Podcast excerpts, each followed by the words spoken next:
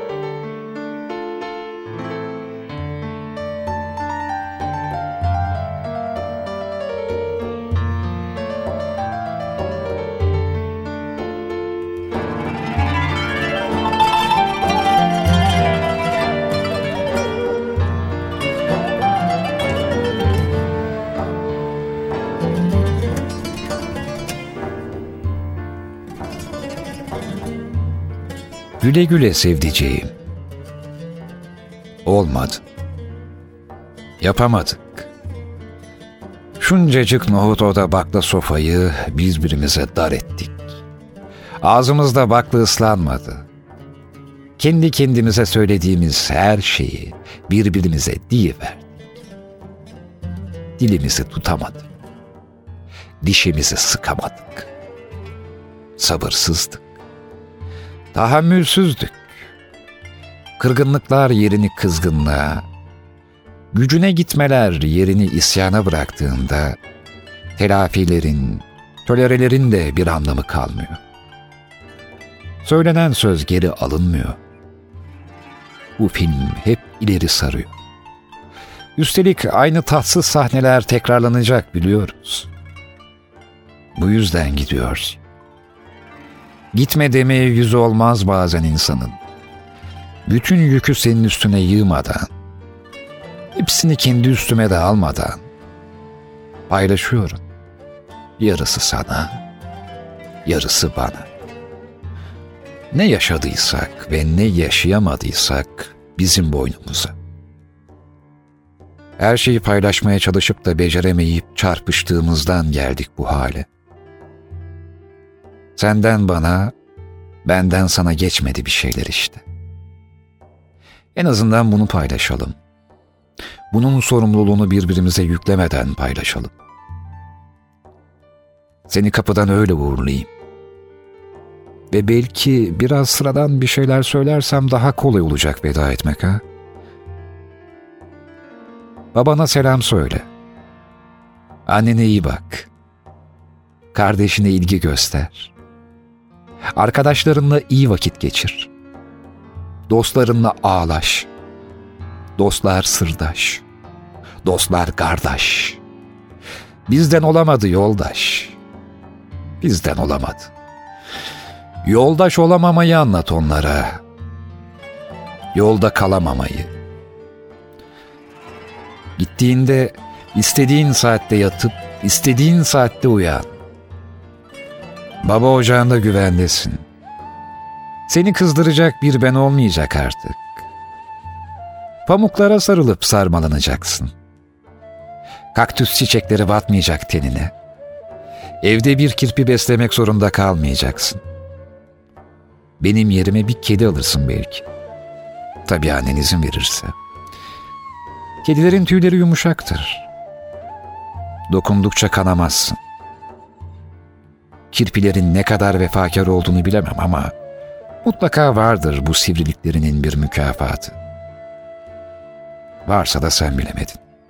Tamam tamam neyse tartışmayalım. Sen bilemedin ben bilemedimlerin sonu yok. Tamam tamam ben bilemedim. Karnım yumuşaktı ama sevdiremedim. Belki de sen nereden tutacağını bilemedin. Tamam tamam ne başlamayalım. Sen nereden bileceksin doğru ya? Kadınlar çiçek, tatlı böcek, yavru kedi ya. Benim kaktüs ve kirpi olmam hiç de ağrına gitmiyor. Hadi kapıda kalma. Yolun açık olsun. Dediğim gibi babana selam söyle. Kıymetini bil. Her baba ocağı daima açık değildir yavrulara. Açık olsa da eski sıcaklığı bulmak zordu. Kimisi kendini misafir gibi hisseder baba ocağına döndüğünde. Annelerin mutfaklarında, gençlik odalarında yalnız kaldıklarında misafir gibi hissederler. Ama sizinkiler öyle değil. Şanslısın. Affedelim birbirimizi ve öyle veda edelim. Affet ve öyle git. Kolay olmayacak. Hatırladıkça burnumuzun direği sızlayacak. Hatta ne sızlaması, belki burnumuz kırılacak. Neyle karşı karşıya olduğumuzu bilmiyoruz. Ama kalırsan neler olacağını biliyoruz. Bu yüzden git. Güle güle git. Kendine iyi bak demeyeceğim sana. onun yerine kendine dön diyeyim. Bana gelmen yaramadı ikimize de. Kendine dön ve ardına bakma. Baba ocağının şefkati seni kucaklasın. Selam söyle. Güle güle.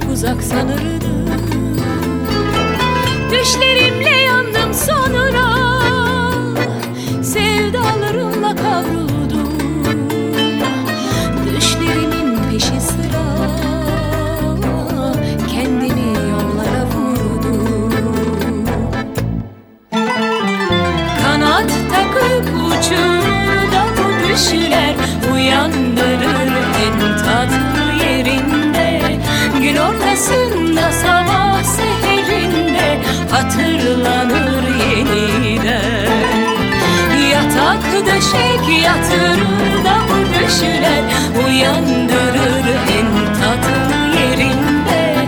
Gün ortasında sabah seherinde Hatırlanır yeniden. Kanat takıp uçurur da bu düşler Uyandırır en tatlı yerinde. Gün ortasında sabah seherinde Hatırlanır yeniden. Yatak döşek yatırır da bu düşler Uyandırır en tatlı yerinde. Gün ortasında sabah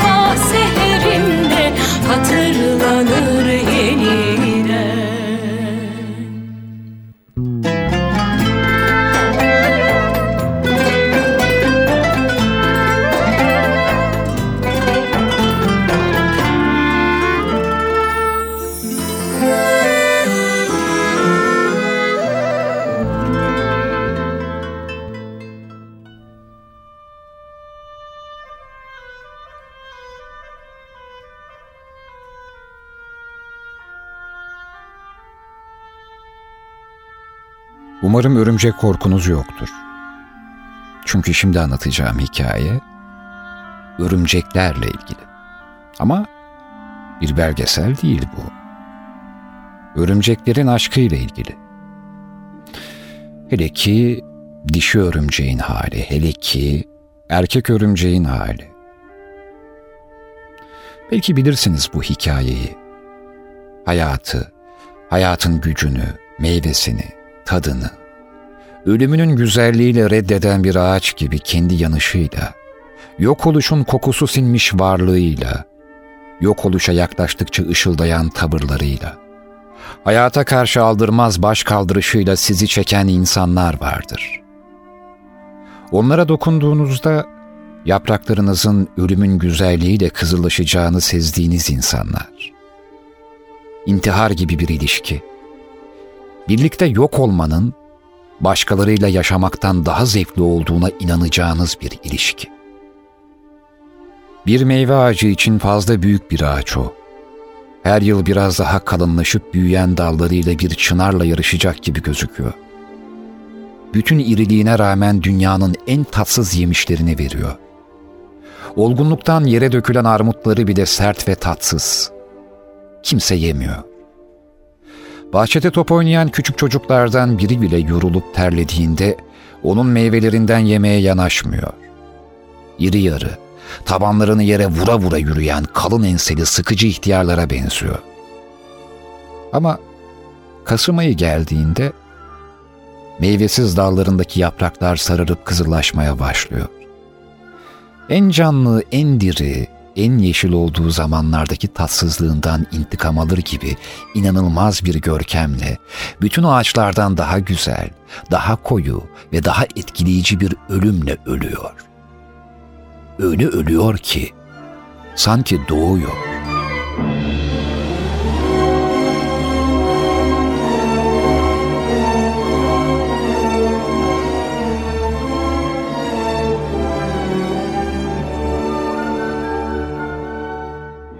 Yakut kızılı, safran sarısı, tül kahverengisi, arada ölümün güzelliğini daha da göstermek ister gibi canlı kalan üzüm yeşili yapraklar, kümeler halinde iç içe geçiyorlar.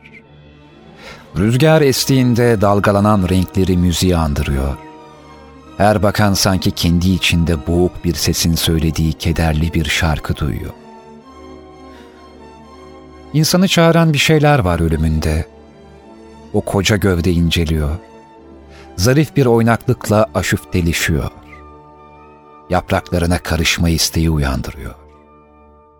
Ölümündeki bu istek uyandıran çağrı, önünden geçen herkesi kendine baktıran güzellik, bana çocukluğumda seyrettiğim o eski filmlerdeki Şangay batakhanelerinin afyonkeş fahişelerini hatırlatıyor. Uzun ve karmaşık bir macerası olan, beyazlaşıp şeffaflaşmış yüzüyle bir yok oluşa giderken sihrine kapılmış erkekleri de beraberinde götürecek olan o Rita Hayworth'ları. Böylesine ölümcül bir güzellik, birlikte mahvolma arzusu uyandıran bir cazibe yaratıyor. Birlikte mahvolmak. Hayatı, hayatın gücünü, meyvesini, tadını, ölümünün güzelliğiyle reddeden bir ağaç gibi kendi yanışıyla, yok oluşun kokusu sinmiş varlığıyla, yok oluşa yaklaştıkça ışıldayan tavırlarıyla, hayata karşı aldırmaz baş kaldırışıyla sizi çeken insanlar vardır. Onlara dokunduğunuzda yapraklarınızın ölümün güzelliğiyle kızıllaşacağını sezdiğiniz insanlar. İntihar gibi bir ilişki, birlikte yok olmanın başkalarıyla yaşamaktan daha zevkli olduğuna inanacağınız bir ilişki. Bir örümcek türü var. Garip bir biçimde çiftleşiyorlar. Çiftleşirken erkek vücudunu dişinin başının önüne doğru eğiyor. Çiftleşmeye başladıklarında ikisinin bedeni bütünleştiğinde dişi örümcek erkeği yemeye başlıyor. Erkek dişiyi döllerken dişi erkeği yiyor. Çiftleşme bittiğinde erkek de kelimenin gerçek anlamıyla bitiyor. Dişi onu yemiş oluyor. Bu iki örümcek çiftleşmeye başlarken erkek bunun kendi sonu olacağını, öleceğini biliyor. Ama birlikte olmak nasıl bir haz veriyorsa, erkek ölümü, öldürülmeyi, parçalanmayı daha baştan kabul ediyor. Doğa bazen böyle insafsız şakalar yapıyor. Ölüm gibi her canlı ürküten büyük bir tehdit yarattıktan sonra o tehdidi bile unutturabilecek inanılmaz bir haz yaratabiliyor. Eğer o hazzı size tattıracak birine rastlarsanız, yok olmaya aldırmıyorsunuz. Bütün hayatınızdan vazgeçebiliyorsunuz. Biriktirdiğin ne varsa, para, ün, itibar, aile, iş bir kenara itebiliyorsunuz.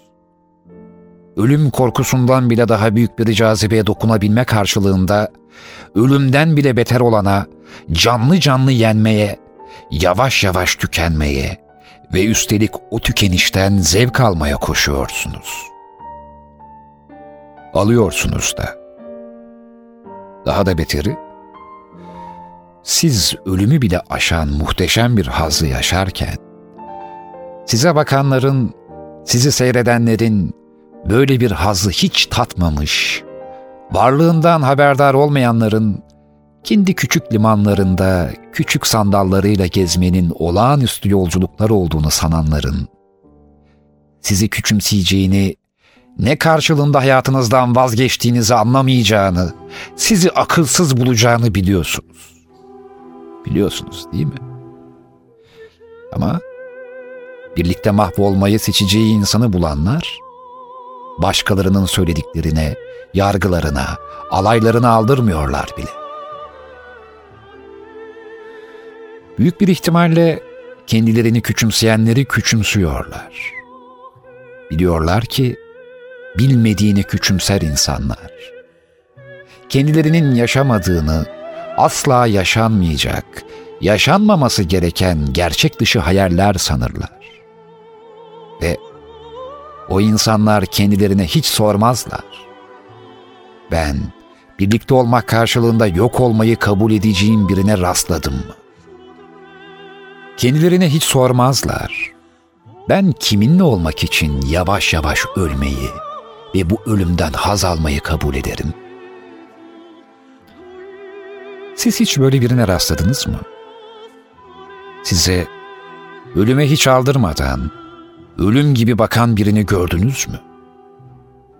Ve siz ölümü önemsizleştiren bir haz yaşadınız mı?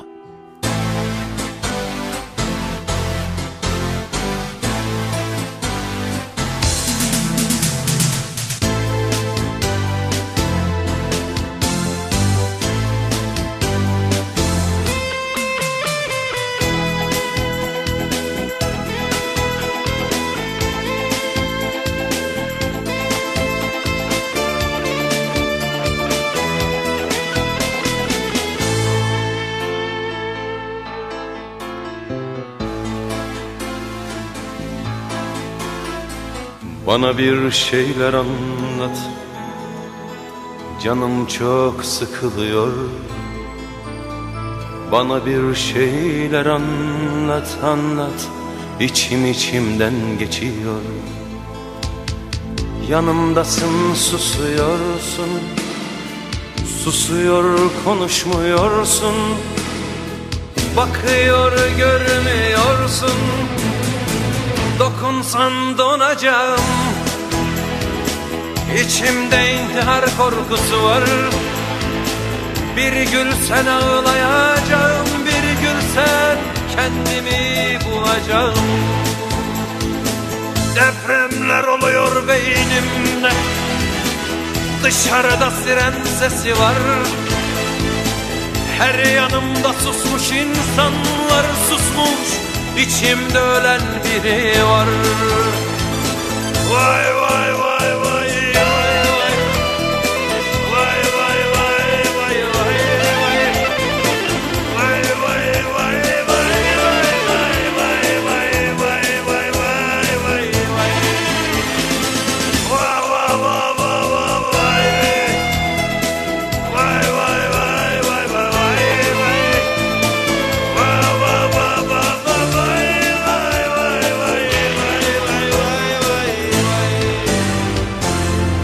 Annemin plakları. Hadi bir şeyler söyle. Çocuk gözlerim dolsun.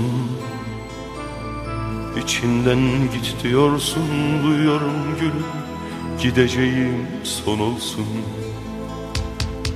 Yanımdasın susuyorsun.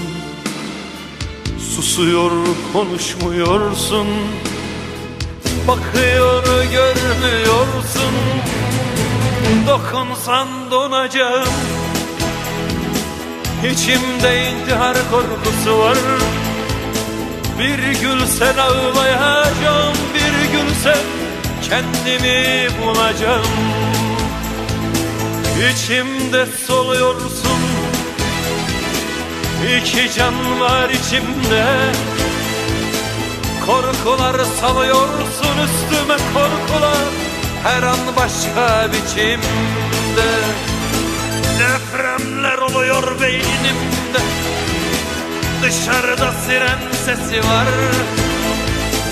Her yanımda susmuş insanlar susmuş İçimde ölen biri var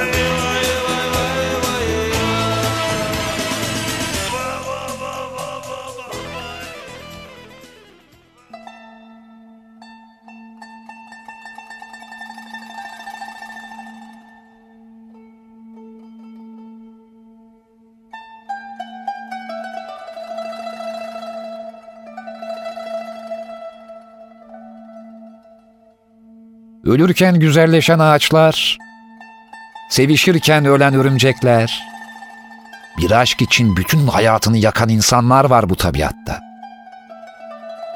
Hangisini imrenmeliyiz? Hangisini dilemeliyiz kendimiz için? Nasıl bir mutluluğun, nasıl bir hazın peşine düşmeliyiz? Ölümü bile unutturacak, olağanüstü bir hazın hayatın bir yerlerinde saklı olduğunu biliyorsak eğer, bu haz karşılığında hayatımızı vermemiz gerektiğini de seziyorsak, ne yapmalıyız? Yaşamın uysal mutluluklarıyla yetinmeli miyiz? Bizi mahvedecek bir hazla kuşatacak olana rastladığımızda, kaçmalı mıyız yoksa o hazzı yaratacak olanı da mı aramalıyız her yerde? Şangay batakhanelerinde elinde uzun sigara çubuğu, afyonla buğulanmış gözleri ve kızıl saçlarıyla dumanların arasından size doğru yürüyen bir Rita Hayworth düşünün. Ya da deli gözleriyle size hiç tatmadığınız en çılgın, en sapkın, en olağanüstü zevkleri vaat ederek yaklaşan çılgın bir aristokratı, bir marki. Geri çekilir miydiniz?'' Size yaklaşan hazdan kaçar mıydınız? Sizi mahvolmaya razı edecek bir hazzın ışıklarıyla gözlerinizin kamaşmasından korkar mıydınız? Beraber mahvolacağınız birini bulmak. Bu bir şans mı? Yoksa şanssızlık mı? Belki öyle birini aramayız. Korkarız öyle bir arayışa girmekten ama ya karşımıza çıkarsa o? Sıradan mutluluklarla mutsuzlukların sınırladığı hayatımızı parçalayacak, bize varlığından bile haberdar olmadığımız zevkler verecek, bizi elimizden tutup yok oluşun kenarına etimizi hazdan uyuşturarak götürecek birine rast gelirsek, Bir vakitler bütün dünyayı sarsan bir Japon filmi seyretmiştim Paris'te. Sinemanın kapısında kuyruklar uzamıştı. Sevişmekten en büyük haz alabilmek için uğraşan bir çifti anlatıyordu. Sevişirken birbirine ölüm korkusunu da tattırıyorlardı. Büyük bir bitişin kenarında en büyük hazın saklı olduğuna inanmışlardı. Seyredenler de seyrederken inandılar. Onun için akın akın gidip izlediler filmi. Bilmedikleri bir duyguyu anlamaya, öğrenmeye koştular. Gördüklerine şaşırdılar ama garip bir içgüdüyle bunun mümkün olabileceğini düşündüler. Tabiat tuhaf sırlarla dolu. bazen kendi kendisiyle yarattığı en büyük korkularla da alay edebiliyor. Bir örümcek, sevişirken seviştiği dişinin kendisini yemesine razı oluyor. O nasıl korkunç bir haz olmalı ki karşılığında hayatını veriyor.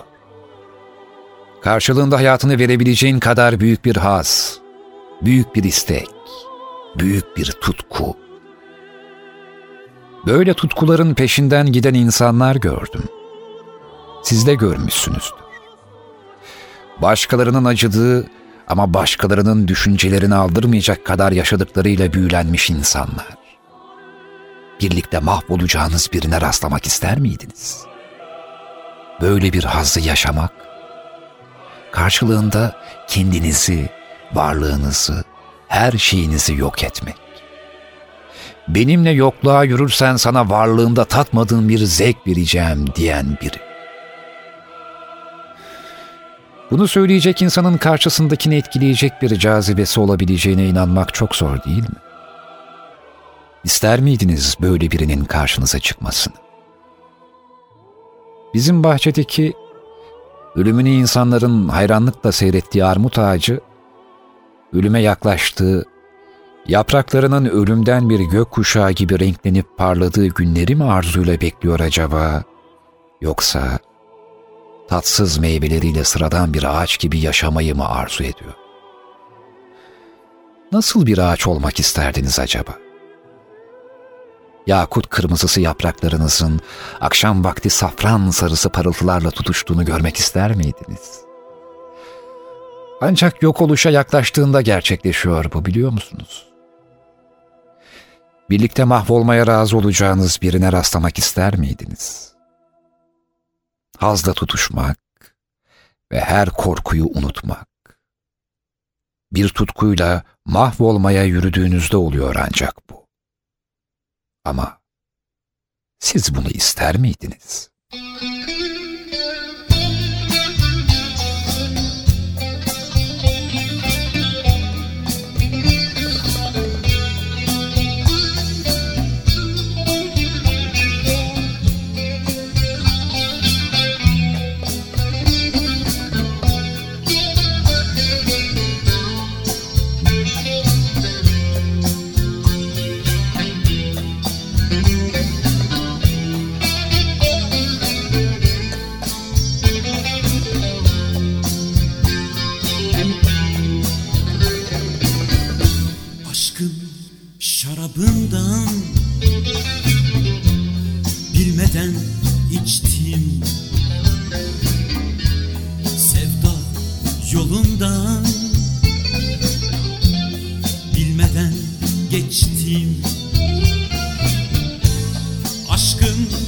Bir alevmiş yar yar.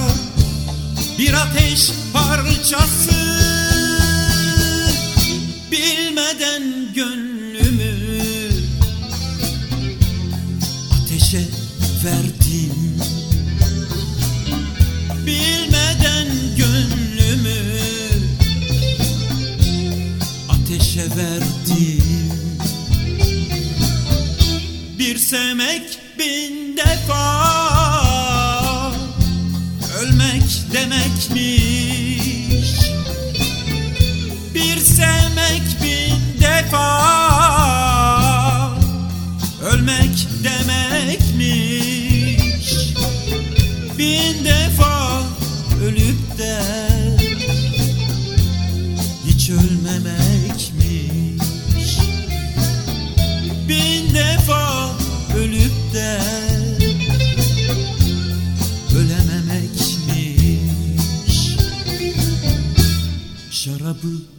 Zehirli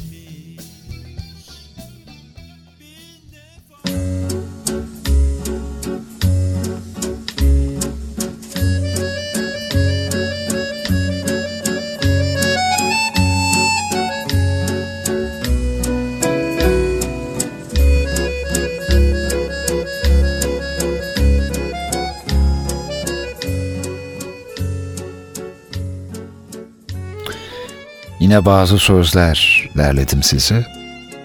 Yine hangisinin kime ait olduğunu e, araya ayrıntı olarak söyleyip sözün anlamını çok uçuşturmamak için böyle ard arda söyleyip arkasından da Cemal Süreyya'nın Kanto şiirini okumak istedim. Girizgahımız bu sözler olsun. Yaklaşık e, 3-4 tane zaten. Ardından da bu şiir gelsin.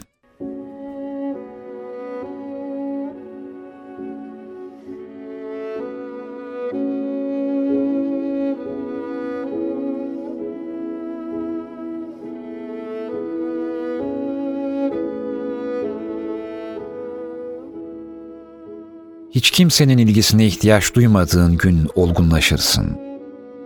Hiç kimseden beklentiye girmediğin gün yara almazsın. Mutluluk elde etmek için peşinden koşulacak, sonra da kaybetmemek için çaba sarf edilecek bir şey değildir. Mutluluk senden bağımsız olarak istediği zaman gelir, dokunur sana. Önemli olan o eşsiz temas anının tadını çıkarmayı akıl edebilmektir.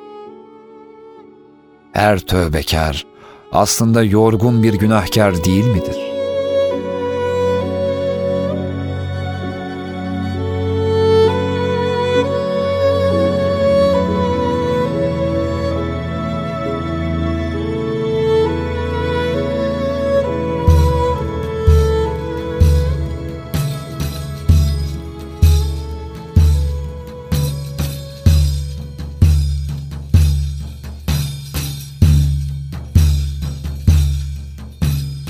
Ben nerede bir çift göz gördümse, tuttum onu güzelce sana tamamladım.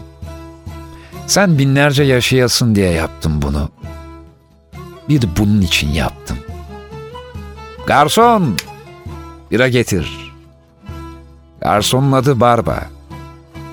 Ben nereye gittimse bütün zulümlerdi, bütün açlıklardı, kavgalardı gördüğüm. Kötülüklerin büsbütün egemen olduğu, namussuz bir çağ bu biliyorsun. Garson! Rakı getir. Garsonun adı Hakkı. Sen belki de bir resimsin ne haber? Kırmızı bir beykozun yanında duruyorsun. Yapan bir de ağaç yapmış yanına. Dallarına konsun diye kelimelerin. Garson! Şarap getir. Garsonun hali harap.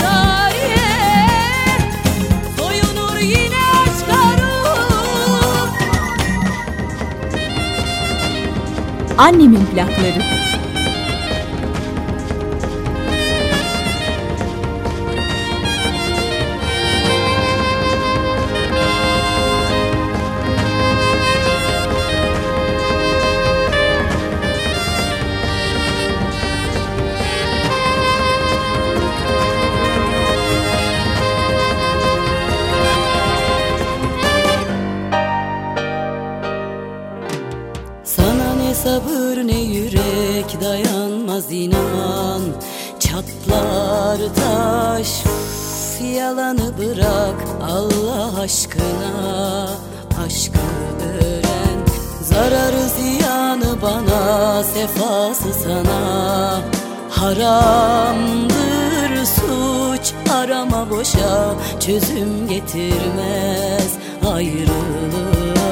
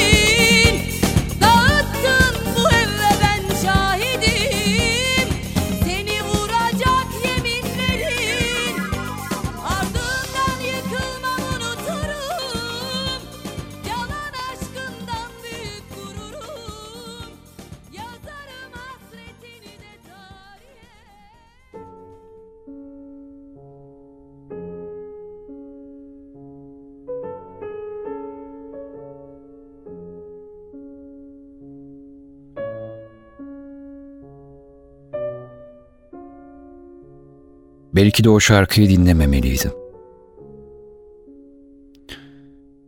Dünyanın beni en sarsan cümlelerinden bir tanesi o şarkıda geçiyordu çünkü.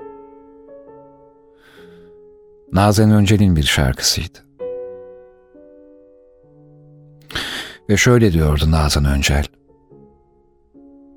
Bende bir resmin var. Yüzüme bakmıyor. Bu sefer gözlerini kaçırmıyorsun. Kendi gözlerini oyarsın gerekirse bilirim. Sırf bana bakmamak için kendi gözlerini bile oyarsın. Sadece bana değil, kendine de hunharsın. Adamın geçtiği satırların üstünü karalarsın. Bana benzeyen birini görsen yolunu değiştirirsin. Modigliani portresinde kadının gözlerini boyamamıştı. Resmi bitirip tuvali modeline çevirdiğinde kadın sordu. Gözlerimi neden çizmedin? dedi Jean. Modigliani yanıt verdi. Ruhunu tanıyınca gözlerini çizeceğim. İşte sen de belki bu yüzden fotoğrafından bile bana bakmıyorsun. Ruhumu reddediyorsun. Oradalar görüyorum. Ve fotoğraf kağıdından dışarı bakıyorsun. Ama bana bakmıyorsun. Bana değil. Bir göz yanılsaması mı oldu? Bilmiyorum. Ama öyle uzun uzun bakmışım ki resmine. Demin sanki boynunu şöyle hafifçe bir yana çevirdin. Bak yine oldu. Bak şimdi de bakışlarını çevirdim bak. Artık kağıdın dışına da bakmıyorsun. Bu fotoğraf karesinin içinde kadraja girmeyen bir yöne bakıyorsun. Sadece bana değil, bulunduğum odaya bile bakmıyorsun. Çünkü o ev bu ev. Bu evin duvarlarını bile bir daha görmek istemiyorsun. İnsanın elinde kalan bir fotoğraf bile bu kadar ceberrut olabiliyor işte. İyi hiçbir şeyin kalmaması böyledir işte. İyi hiçbir şeyin kalmaması. Yok hükmü dedikleri nedir bilirim ben. Yıllarca ben kendimi o kadar yok etmeye çalıştım da olmadı. Elin kızı bir fotoğraf karesinden bile yok ediyor beni görüyor musun? Her yerde ben varım diye gezerken eve geldiğinde nasıl da şeffaflaşır insan. Dört duvarla sadece konuşmazsın. O duvarların içinden bile geçersin. Çünkü kendini pencereden dışarı atmazsın. Bu kolaydır. Kendini duvardan duvara vurmak istersin. Bu azaptır. Ama bunu da yapamazsın. Öyle yok hükmündesindir ki, öyle şeffaf, öyle hayalet. Duvardan duvara vurmak istediğin bedenin o duvarın içinden geçer. Apartmanın dış duvarında bulursun kendini. Düşmek istersin, düşemezsin. Elin tuğlalara sıkışır. Burnun duvarın sıvasına sürtünür. Ayağın elektrik aksamına çarpılır. Bedenin geçemez o duvardan. Benliğin sarkar beşinci kattan. Düşmek istersin. Düşemezsin. Öyle şeffafsın ki seni senden başka kimse göremez. Aslında sen de görmezsin kendini. Ama orada olduğunu bilirsin. Sonra Tanrı'nın eli uzanır gökten düşen bir şimşekle beş siksaklı bir ışık kaplar gövdeni. Yeri bas evlat. Ne işin var evin duvarlarının dışında der bir ses gök gürültüsü eşliğinde duyarsın. Sert betondan yumuşak kanepene düşersin en fazla. İnsan hiç yumuşak bir kanepeye yığılır mı? İnsan hiç yumuşak bir kanepeye yığılır mı?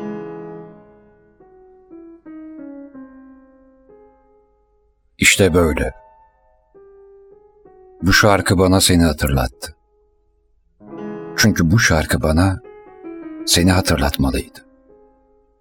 Çünkü bu şarkı senin şarkındı. Uyumsuz adamın anlattığı raylar da bu şarkıda. Üstünden geçen trenlerin ardından inadına ayağa kalkan adam da bu şarkıda. Kimsenin duymadığı sesi ve kokuyu duyup peşine düşen adam da bu şarkıda. Üstelik bu ev ve bu nameler de bu şarkıda. Ama en kötüsü bende bir resmin var. Yüzüme bakmıyor. Bende bir resmin var. Yüzüme bakmıyor.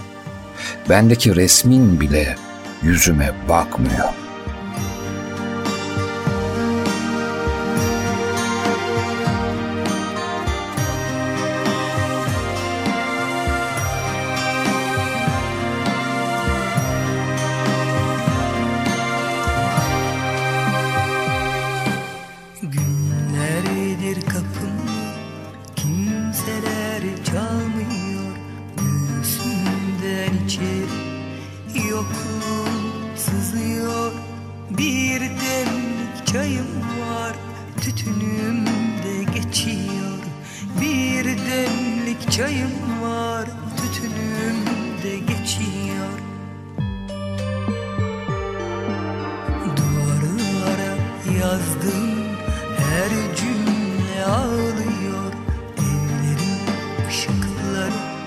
Tek tek sönüyor.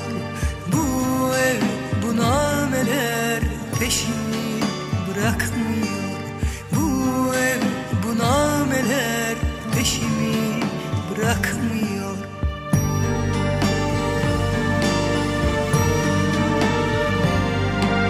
Geceler kara tren geceler Yüklüyor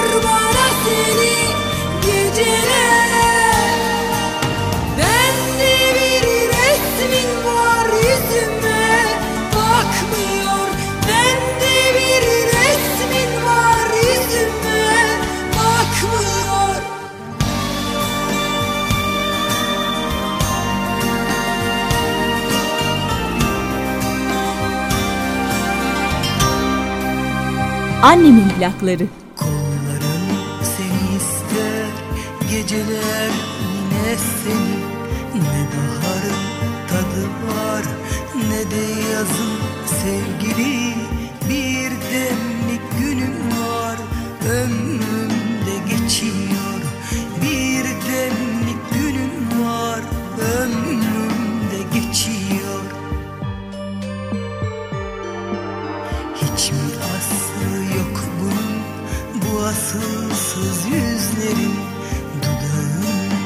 geçtim. Gözlerin yakmıyor Vazgeçsen olmuyor. Ölsen olmuyor Vazgeçsen olmuyor. Ölsen olmuyor.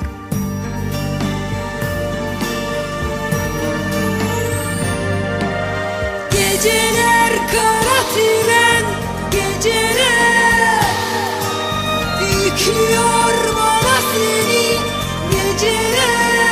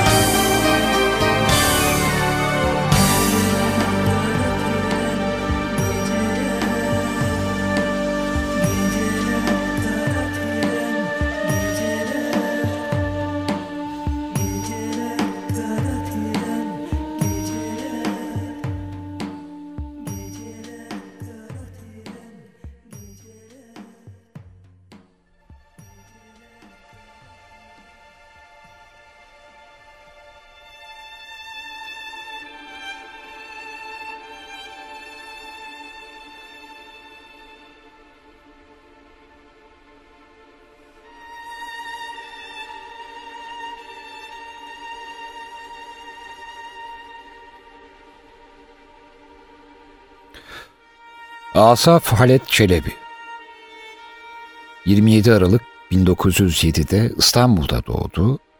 15 Ekim 1958'de yine İstanbul'da öldü. Türk şair.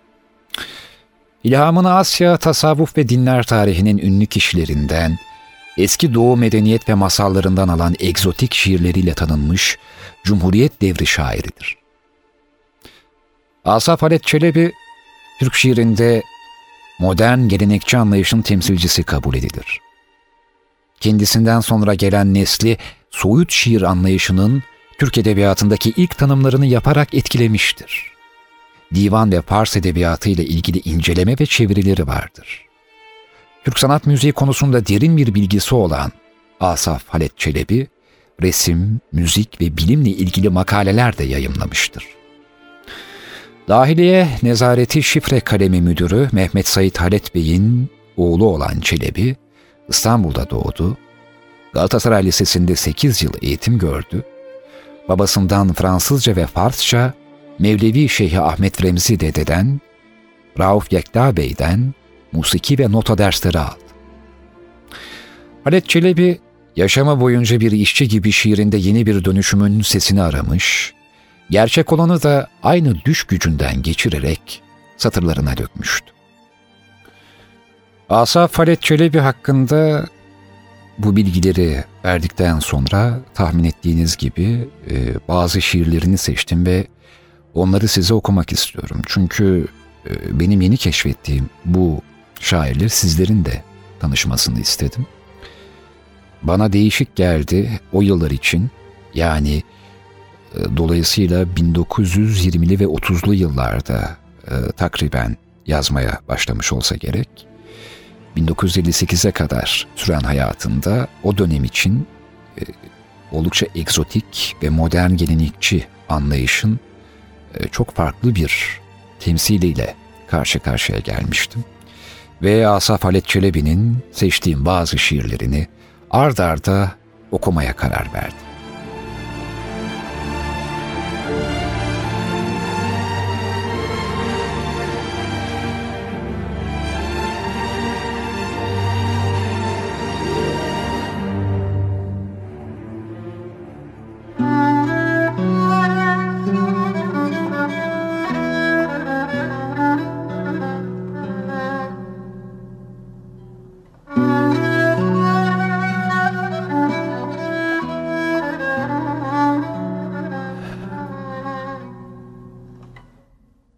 Çin kadar uzaklardan, can kadar yakından. Sen bir masal kızısın. Dün Çin'den gelmiştin, bugün Lizbon'dan. Yüzünde tarçın kokusu, gözünde cin. Bir gün buradan gidersen Maria, can kadar yakın, Çin kadar uzak. Lizbon boyalı haritalarda kapanır. Bir gün buradan gidersen Maria, aynalarda seni ararım. Bu şehirde seni ararım. Bilmemek bilmekten iyidir. Düşünmeden yaşayalım mağara. Günü ve saatleri ne yapacaksın? Senelerin bile ehemmiyeti yoktur. Seni ne tanıdığım günleri hatırlarım, ne seneleri. Yalnız seni hatırlarım ki benim gibi bir insansın. Tanımamak tanımaktan iyidir.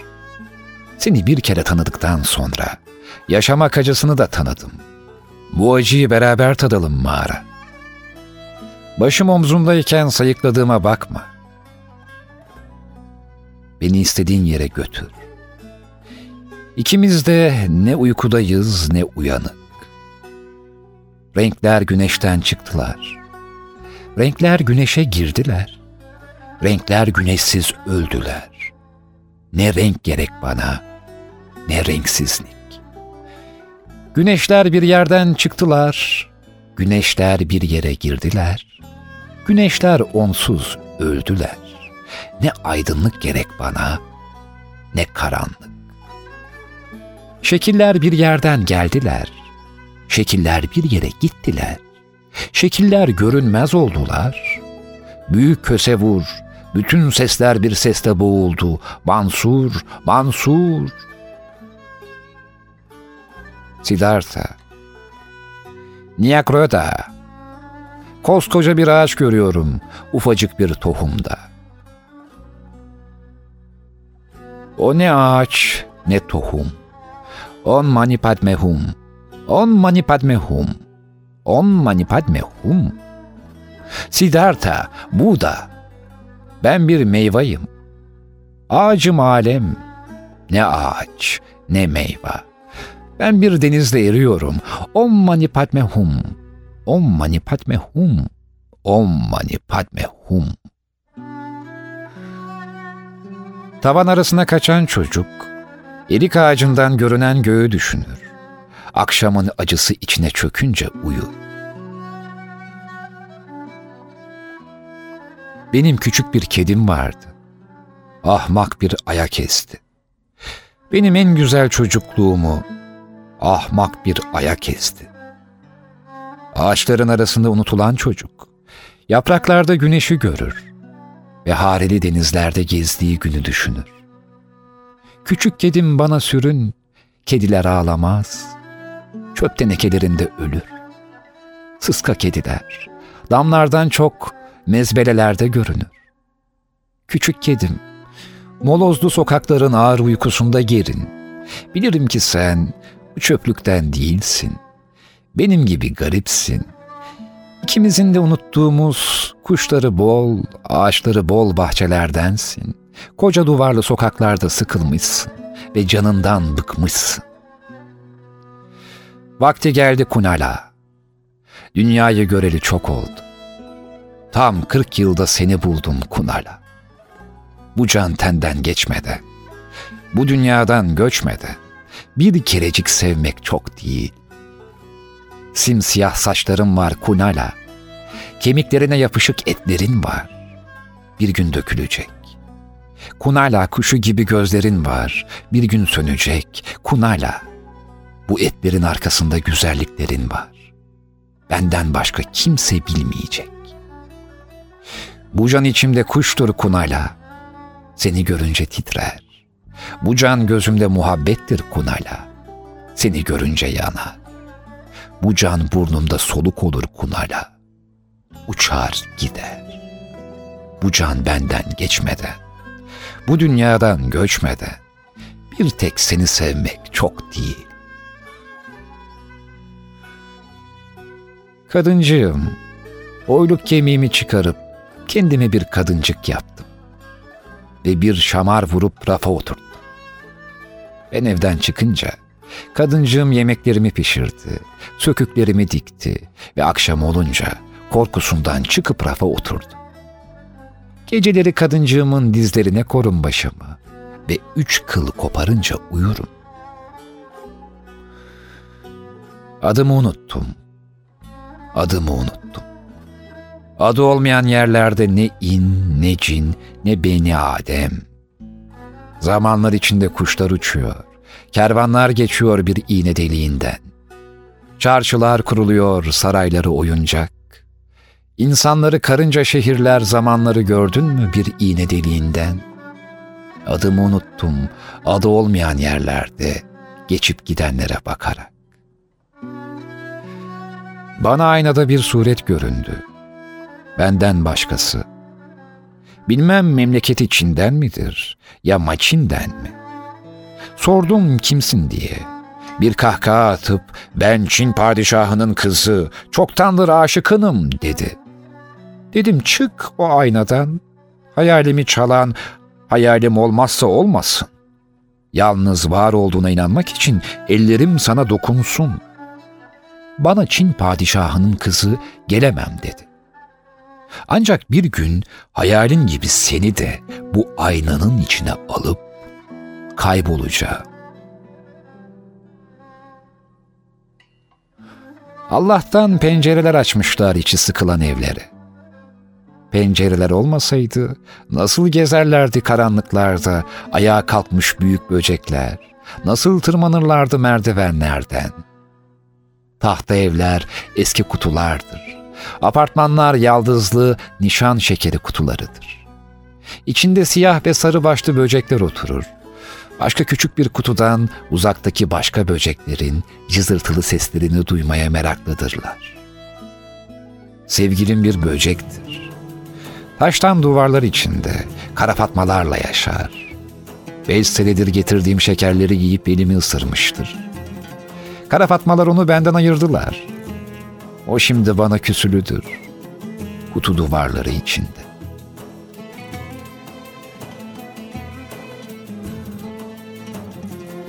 Bir adım attığım yerde ne vardı ki gitmemle kayboldu. Her adımımda sonsuz benleri koyuyorum boşluğa ve yine ben dolmuyorum. Geçip gittiğim yerlerden iç içe öne ve arkaya bakan bir sürü benler koymuşum. Eskileri çocuk, şimdikiler ihtiyar.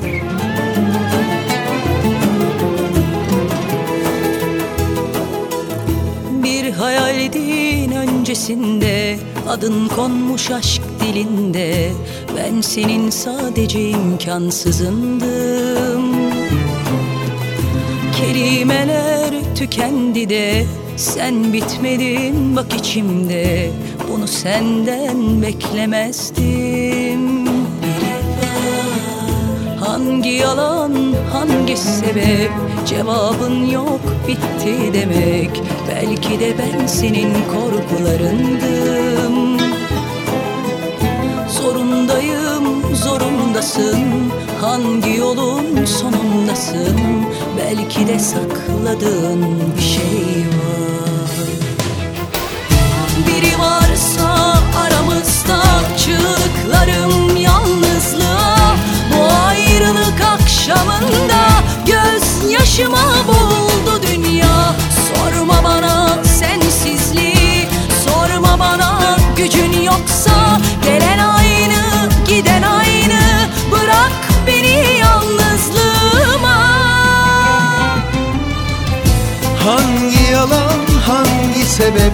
Cevabın bitti demek? Belki de ben senin korkularındım Zorundayım, zorundasın. Hangi yolun sonundasın? Belki de sakladığın bir şey var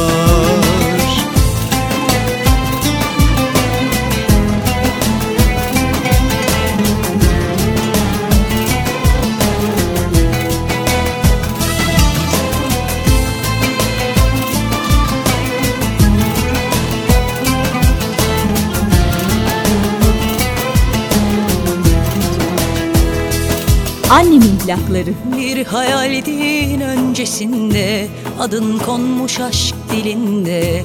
Ben senin sadece imkansızındım.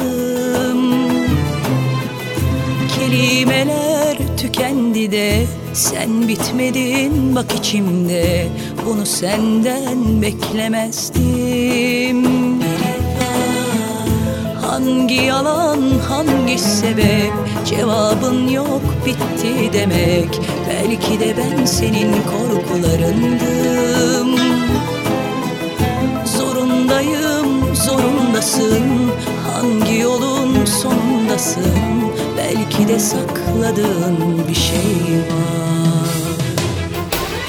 Biri varsa aramızda çığlıklarım yalnızlığa Bu ayrılık akşamında gözyaşıma boğuldu Sorma bana sensizliği sorma bana gücün yoksa Gelen aynı giden aynı. Bırak beni yalnızlığıma. Ah hangi yalan hangi sebep? Cevabın yok bitti demek. Belki de ben senin korkularındım Zorundayım zorundasın. Hangi sonundasın. Belki de sakladığın bir şey var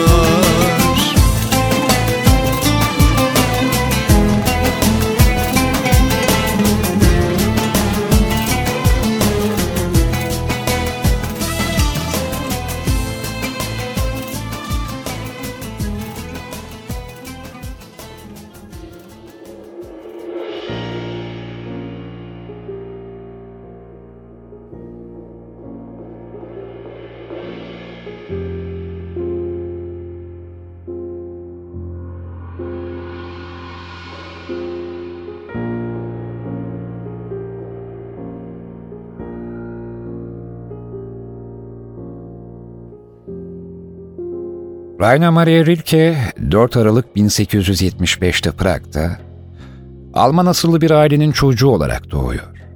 O zamanlarda Avusturya'nın egemenliği altında olan bu kentte Almanlar azınlıktalar. Rilke'deki yalnızlık duygusunu ve erken gelişen dil bilincini buna bağlayanlar vardır. Bu görüş ancak belli bir ölçüde haklı olabilir. Çünkü yaratılış bakımından dışa dönük bir başkası aynı koşullar altında bambaşka bir yönde gelişebilir. Ne bileyim, içe kapalı, ince sezişlerin ozanı olacağına, dış dünyayı buyruk altına almaya çalışan bir zorba olabilir mesela. Ozan'ın babası Joseph Rilke.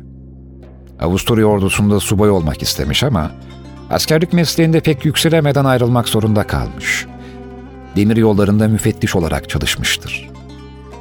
Orta halli yaşamayı yadırgamayan, azla yetinmeyi bilen bu babaya karşılık, annesi Sofya Rilke, ölçüsüz tutkuların, aşırı özlemlerin kadınıdır. Oğlunun subay olmasını, kendi büyüklük ve soyluluk düşlerini onun gerçekleştirmesini ister. Oysa yedi aylık doğan bu narin yapılı çocuğu, altı yaşına dek bir kız gibi büyütmüş, kız giysilerine bürümüştür. İlk çocuğu kızmış ve pek küçükken ölmüş de ondan. Bu yüzden ikinci çocuğunun oğlan olarak doğmasına bir türlü alışamaz. Sık sık bir oyun oynarlar aralarında. Annenin sahnelediği bir oyun. Anne odasında oturmaktadır. Derken kapı vurulur. Anne sorar. Kim o? Oğlu dışarıdan seslenir. Ben. Sophie. Annenin kendi adı. Rilke daha sonra şöyle demiştir. Ben sevemem. Annemi sevmem de ondan. Sevemeyeceğini söyleyen bu adam, sevmeyi pek yüceltmiştir oysa. Sevilmeyi gereksiz görecek, yatsıyacak kadar. Bu duygu, sanırım Tanrı anlayışını da büyük ölçüde etkilemiştir. Öyle ya, Tanrı'ya nedenli yaklaşırsanız yaklaşın, hiçbir zaman varamazsınız ona. Onunla birleşemezsiniz. Ama ona erişmeye çalışırken kendinizi büyütüp geliştirebilirsiniz. Oysa sevgi karşılık gördüğünde seven için yolculuk bitmiş, durgunluk ve suskunluk başlamıştır.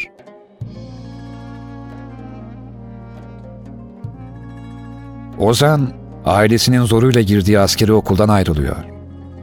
Saray noteri olan amcasının mesleğini sürdürsün diye hukukçu olmasını istiyorlar. Bu da sonuç vermiyor. Bu arada durmadan şiirler, öyküler, oyunlar yazıyor. İlk şiirlerinin çoğunu sonradan yaslayacaktır. Derken Münih'e gidiyor ve Lou Andrea Salome'yi tanıyor ki hayatının dönüm noktasıdır bu. Rilke'den 14 yaş büyük olan bu son derece ilginç kadın, daha önce Nietzsche'yi tanımış, onu öylesine büyülemiş ki, filozof kendisinden hayli genç olan bu kadına bir arkadaşının aracılığıyla evlenme teklif etmiş ve cevabı beklemek üzere bir başka kente gitmiş, daha doğrusu kaçmıştır. Aldığı cevapsa olumsuz tabii. Lou Salome çok sonra yaşı 50'yi bulduğu sıralarda Freud'la tanışıyor. Onu da öyle bir hale getiriyor ki Freud verdiği konferanslara onun da gelmesini tutkuyla istemeye başlıyor. Bir konferansına gelemeyen ya da mahsus gelmeyen Louis'a yazdığı bir mektupta bakın ne diyor ünlü ruh bilgini. Dinleyiciler arasında belli bir kimseye seslenmek gibi kötü bir alışkanlık edindim. Dün de senin için ayrılan boş koltuğa büyülenmiş gibi baktım durdum. Lou Salome'nin başlıca silahı güzelliği değil. Hayır. Düşüncelere karşı pek yüksek bir duyarlılığı var. Yaratıcı erkeklerle karşılaştığında onların ruh yapılarını bütün özellikleriyle kavrayıveriyor. Yaratıcı güçlerini kımıldatıp devindirerek gelişmelerine yol açıyor. Yaratıcı erkek kişiliklerine ustaca biçim veren bir Jung'un deyimiyle anima bu kadın. Onu bir kez tanıyan, ondan etkilenen büyük adamlar o ayrıldıktan sonra özlemle, tutkuyla arıyorlar kendisini. Çünkü Lou ilgi duyduğu bir erkeğin güçlerini iyice uyandırıp seferber ettikten, onu yörüngesine yerleştirdikten sonra hemen çekiliyor, çekilebiliyor. Hiçbir erkeğe tam vermiyor kendini. Ya da isterseniz vermiyor diyelim. Durum ikinci ise yetersizliğini olağanüstü, yaman bir araç olarak kullanabiliyor demektir. Rilke'nin mektuplarını okurken bir şey dikkatimi çekti. En güzel, en özenilmiş mektuplar ona yazılmış olanlardı. Tanışıp sevişiyorlar. Derken ayrılma zamanı geldiğinde karar veriyor Lou. Sana en çok gerektiğim zaman, en kötü saatinde arayacaksın beni, deyip gidiyor. Ona birkaç yıl sonra şöyle yazıyor Rilke. O zaman da hissetmiştim. Bugün de biliyorum ki seni kuşatan o sonsuz gerçek, o son derece iyi, büyük ve üretici dönemin en önemli olayıydı. Beni yüz yerimden aynı anda kavrayan o değiştirici yaşantı, senin varlığının büyük gerçeğinden doğuyordu. Daha önce, o aranan durum sayışlarım sırasında hiç o kadar duymamıştım hayatı. O kadar inanmamıştım şimdiye. Geleceği o kadar tanımamıştım. Sen bütün kuşkuların tam karşıtıydın. Dokunduğun, uzandığın ve gördüğün her şeyin var olduğuna tanıklık edendin. Dünya bulutlu görünüşünden sıyrıldı. Zavallı ilk şiirlerimin belirli özelliği olan o birlikte akış ve çözülüşten kurtuldum. Nesneler doğdular. Yavaş yavaş ve güçlükle öğrendim her şeyin nedenli yalın olduğunu. Ve olgunlaştım. Yalın şeyler söylemeyi öğrendim. Bütün bunlar kendimi şekilsizlik içinde yitirme tehlikesiyle karşı karşıya bulunduğum bir sırada seni tanımak mutluluğuna erdiğim için oldu.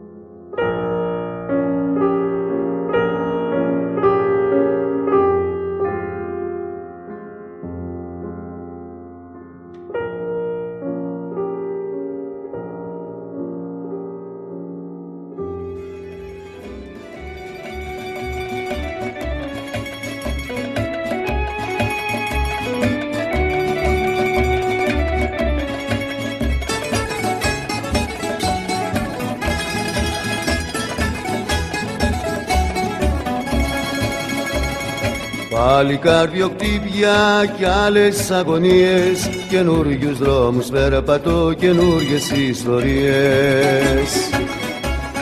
Πάλι καρδιοκτύπια κι άλλες αγωνίες Καινούριους δρόμους περπατώ, καινούριες ιστορίες. Πάλι στο σπίτι μου χαράματα Πάλι μες σώνουν της αγάπης τα φαντάσματα Πάλι στο σπίτι μου χαράματα Δεν έβαλα μυαλό τόσα που έχω πάθει. Κι ακόμα ο τρελός κάνω τα ίδια λάθη. Δεν έβαλα μυαλό τόσα που έχω πάθει. Κι ακόμα ο τρελός κάνω τα ίδια λάθη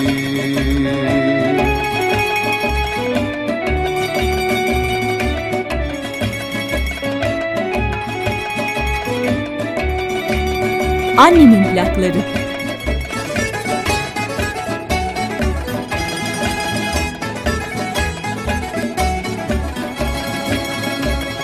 Και μαζί με σένα ξέρω τι θα γίνει. Μια πίκρα περισσότερη στο τέλος θα μου μείνει. Και μαζί με σένα ξέρω τι θα γίνει. Μια πίκρα περισσότερη στο τέλος θα μου μείνει Πάλι στο σπίτι μου χαράματα Πάλι με σώνουν της αγάπης τα φαντάσματα Πάλι στο σπίτι μου χαράματα. Δεν έβαλα μυαλό τόσα που έχω πάθει Κι ακόμα ο τρελός κάνω τα ίδια λάθη Δεν έβαλα μυαλό τόσα που έχω πάθει. Κι ακόμα ο τρελός κάνω τα ίδια λάθη. Πάλι στο σπίτι μου καράματα Πάλι με ζώνου της αγάπης τα φαντάσματα. Πάλι στο σπίτι μου καράματα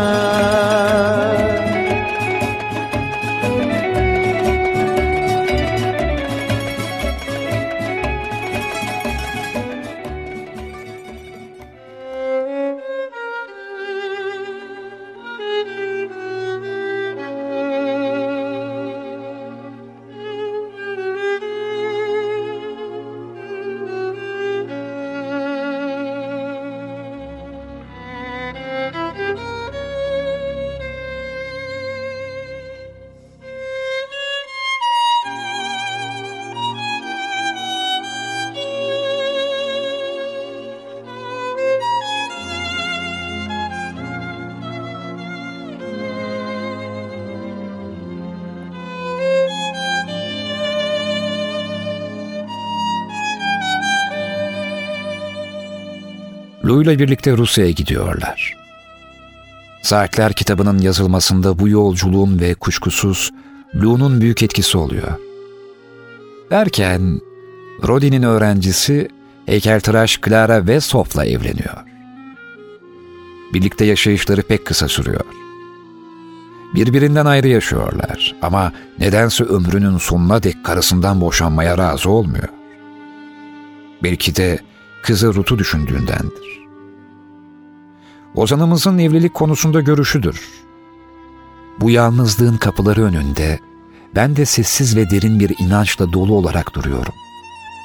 Çünkü bunu birbirinin yalnızlığını korumayı, iki kişi arasında birleşmenin en yüksek amacı sayıyorum. Çünkü ancak derin yalnızlıkları ritmik olarak kesen birleşmeler gerçek birleşmelerdir.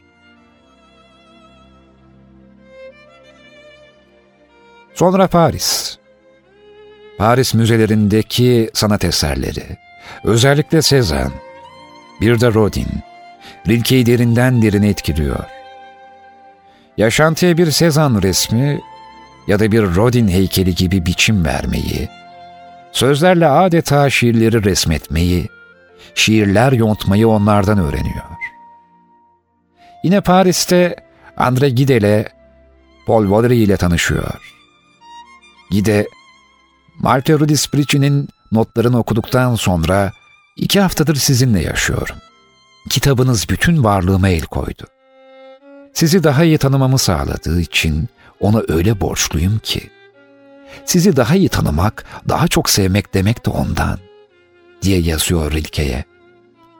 Waller ise, bugüne dek tanıdığım olağanüstü kişiler arasında en büyüleyici olanlardan biri ve en esrarlı olan Rilke'ydi.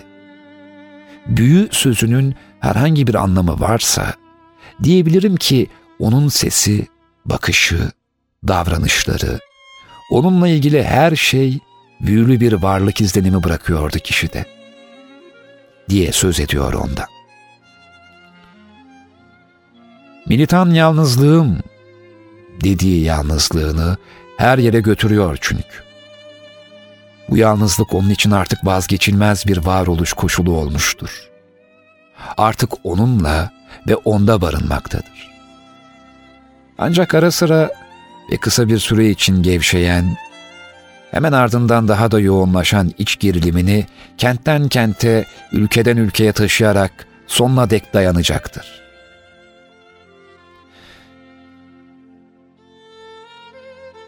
Birinci Dünya Savaşı patladığında Münih'tedir Rilke. Bir ara askere de alınıyor. Dostlarının yardımıyla bu görevden bağışlanıyor. Savaş yılları allak bullak ediyor Ozan'ı. Paris'teki evinde bulunan kitaplarıyla ufak tefek eşyasına Fransız hükümetince el konuyor.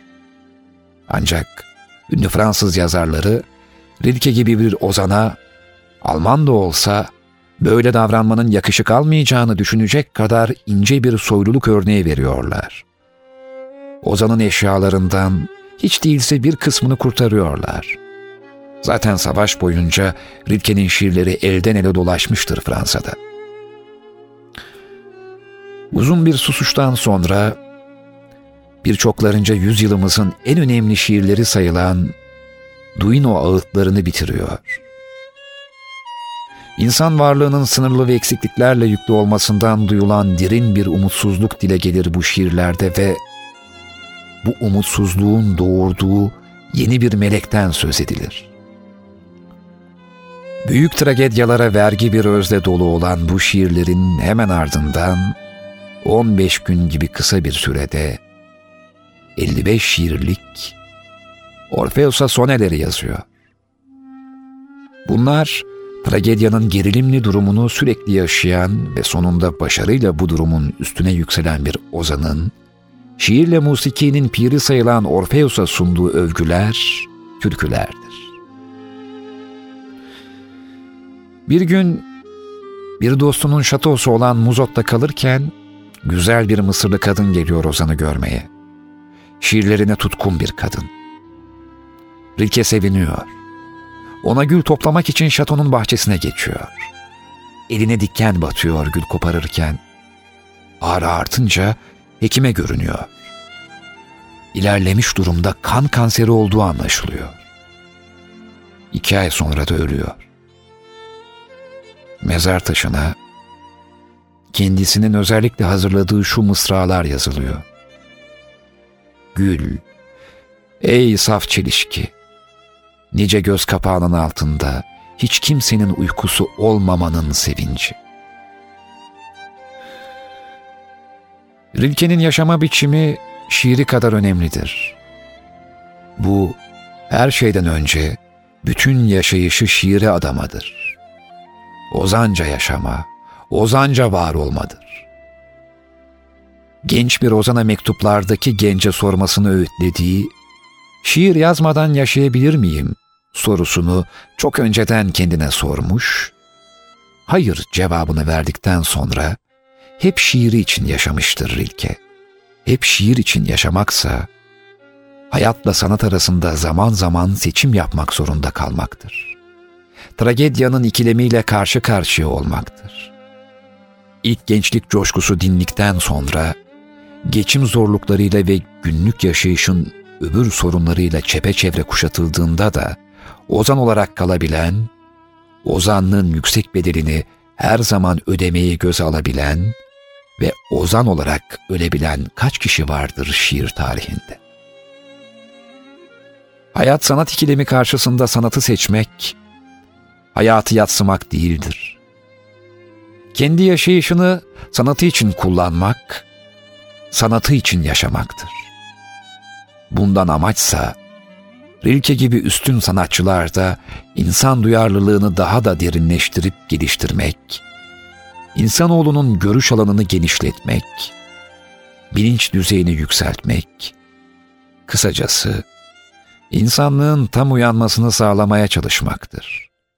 Sanatı, hayatın hizmetine en etkili biçimde koşmaktır. Turan Oklazoğlu, Rilke, Seçme Şiirler kitabının ön sözünde. Eski bir mektup geldi senden. Hasret dolu senelerden. Yazından ben hemen tanıdım. İçim sızladı sarsıldım Anladım beni unutmadın. Sonunda aşkını yaktın Açtım anılar dolu zarfı. İnan öptüm her satırı Bak şimdi çok eski bir rüya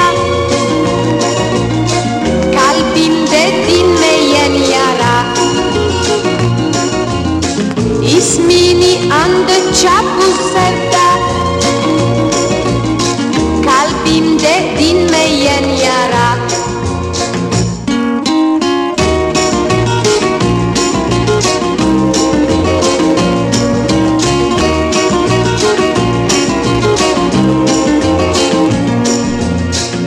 Annemin plakları. Gün bir mektup geldi senden Hasret dolu senelerden. Yazından ben hemen tanıdım. İçim sızladı sarsıldım. Anladın beni unutmadın. Sonunda aşkını yazdın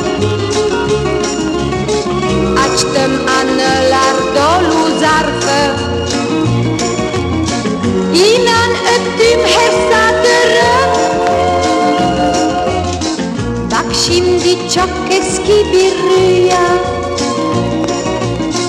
Kalbimde dinmeyen yara. İsmini andıkça bu sevda. Kalbimde dinmeyen yara. Seni andıkça bu sevda. Kalbimde dinmeyen yara